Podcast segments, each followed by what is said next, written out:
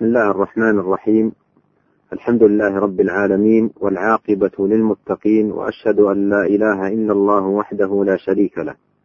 وأشهد أن محمدا عبده ورسوله صلى الله وسلم عليه وعلى آله وصحبه أجمعين. أما بعد السلام عليكم ورحمة الله وبركاته. معاشر المستمعين إن مما يتأكد على المسلم ملاحظته ورعايته والعناية به فيما يتعلق بأسماء الله الحسنى أن يعلم أن الخطأ فيها ليس كالخطأ في أي اسم آخر فهي أسماء للرب المجيد والخالق العظيم. الخطأ فيها انحراف وضلال والغلط فيها زيغ وإلحاد. وهذا يستوجب من كل عاقل ألا يتكلم فيها إلا بعلم ولا يقرر شيئا يختص بها إلا بدليل من القرآن والسنة. ومن خاض فيها بغير هذا ضل السبيل. إذ كيف يرام الوصول إلى تحقيق الأصول بغير ما جاء به الرسول صلى الله عليه وسلم؟ معاشر المستمعين ولما خاض أقوام في أسماء الله مقررين أمورا تختص بأسماء الله دون أن يكون لهم عليها مستند من الكتاب والسنة أتوا بالغرائب والعجائب في هذا الباب. وكأنهم لم يشعروا بحرمة هذه الأسماء وعظيم شأنها وخطورة الخوض فيها بلا بينة ولا مستند والله المستعان. ولا بأس معاشر الإخوة من الإشارة هنا إلى شيء من هذه المخالفات ليكون المسلم منها على حذر وفي حيطة لدينه وتعظيم لأسماء ربه ومراعاة لحرمتها واحترامها. فمن ذلكم نشرة توزع في الآونة الأخيرة درجت بين العوام والجهال يزعم كاتبها أن أسماء الله الحسنى لكل اسم منها خاصية شفائية لمرض معين فلأمراض العين عنده اسم ولأمراض الأذن اسم ولأمراض العظام اسم ولأمراض الرأس اسم وهكذا. وحدد لتلك الأمراض أعدادا معينة من تلك الأسماء. وهذا من الباطل الذي ما أنزل الله به من سلطان ولا قامت عليه حجة ولا برهان. بل ليس في الأذكار المشروعة والرقى المأثورة إلا ما هو جملة تامة وليس فيها تكرار لاسم بهذه الطريقة المزعومة في تلك النشرة. وقد ارتكب بهذا العمل جنايتين. الأولى إدخال الناس في هذا العمل المحدث غير المشروع والثانية شغل الناس عن الأذكار المأثورة والرقى المشروعة في الكتاب والسنة. ومن الأخطاء أيها المستمعون في هذا الباب جعل بعضهم أسماء الله الحسنى تعاليق وحروزا تعلق على السيارات أو في البيوت لغرض الحفظ والوقاية. لغرض الحفظ والوقاية من العين أو الحسد أو نحو ذلك وهذا عمل لا يشرع. إذ ليس في أدلة الكتاب والسنة ما يدل على مشروعيته. بل دلت النصوص على المنع من مثل هذه الأعمال في مثل قوله صلى الله عليه وسلم من تعلق تميمة فلا أتم الله له ونحوه من الأحاديث. ومن الأخطاء في هذا الباب جعل الأسماء الحسنى في لوحات جمالية ومناظر حائطية تزين بها الجدران وتجمل بها المجالس بأشكال مزخرفة وخطوط منمقة. بحيث يكون أثرها على من يراها مدح اللوحة من حيث جمال خطها وحسن زخرفتها وأناقة منظرها.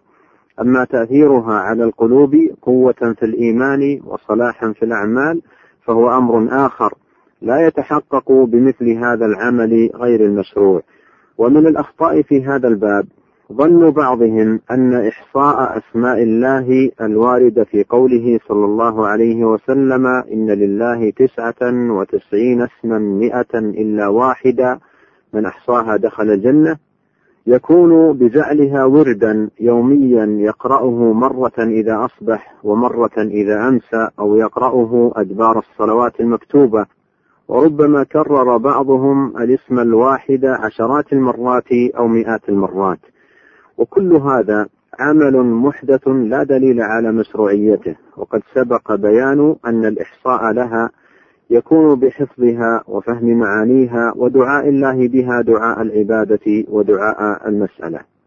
وقد يغلو بعض الناس في هذا الباب فيزعمون أن لكل اسم من أسماء الله الحسنى خواصا وأسرارا تتعلق به. وأن لكل اسم خادما روحانيا يخدم من يواظب على الذكر به. ويزعم بعض من ساروا في هذا الطريق أنهم يكشفون بأسماء الله أسرار المغيبات والخافي من المكنونات. ويزعم بعضهم أن عنده اسم الله الأعظم يفتح به المغلقات ويخرق به العادات ويكون له به من الخواص ما ليس لغيره. وهذا معاشر المستمعين فتح لباب الخرافة على مصراعيه.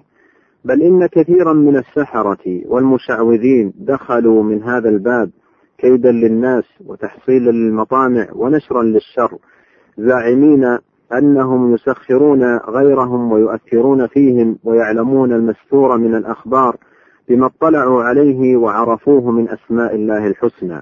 وكل ذلك من الكذب البين والافتراء الواضح ومن الاستخفاف بالعوام والجهال ومن القول على الله وفي دين الله بلا حجة ولا برهان بل بالإفك الواضح والبهتان.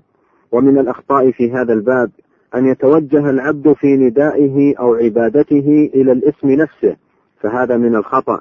إذ لا يجوز لأحد أن يقول عبدت اسم ربي أو سجدت لاسم ربي ولا أن يقول يا اسم ربي ارحمني. ولهذا لما نزل على النبي صلى الله عليه وسلم سبح اسم ربك الأعلى وقوله فسبح باسم ربك العظيم امتثل صلى الله عليه وسلم هذا الأمر بقوله في سجوده سبحان ربي الأعلى وبقوله في ركوعه سبحان ربي العظيم. كما أن من الخطأ أيضا أن يتوجه في الدعاء إلى الصفة نفسها كأن يقول يا رحمة الله أو يا مغفرة الله أو يا عزة الله أو يا وجه الله أو يا يد الله أو نحو ذلك. فكل ذلك من الخطأ لأن الدعاء إنما يصرف لمن اتصف بها وهو الله سبحانه وتعالى. ومن الأخطاء في هذا الباب التعبيد بالاسم لغير الله كعبد النبي أو عبد الكعبة أو عبد عمر أو عبد علي ونحو ذلك.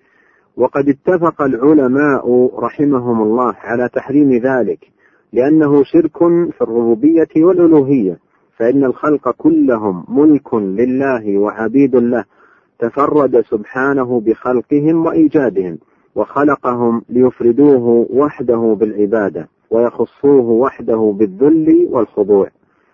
ومن الأخطاء في هذا الباب فعل ما ليس فيه مراعاة لحرمة أسماء الله وتحقيق لاحترامها.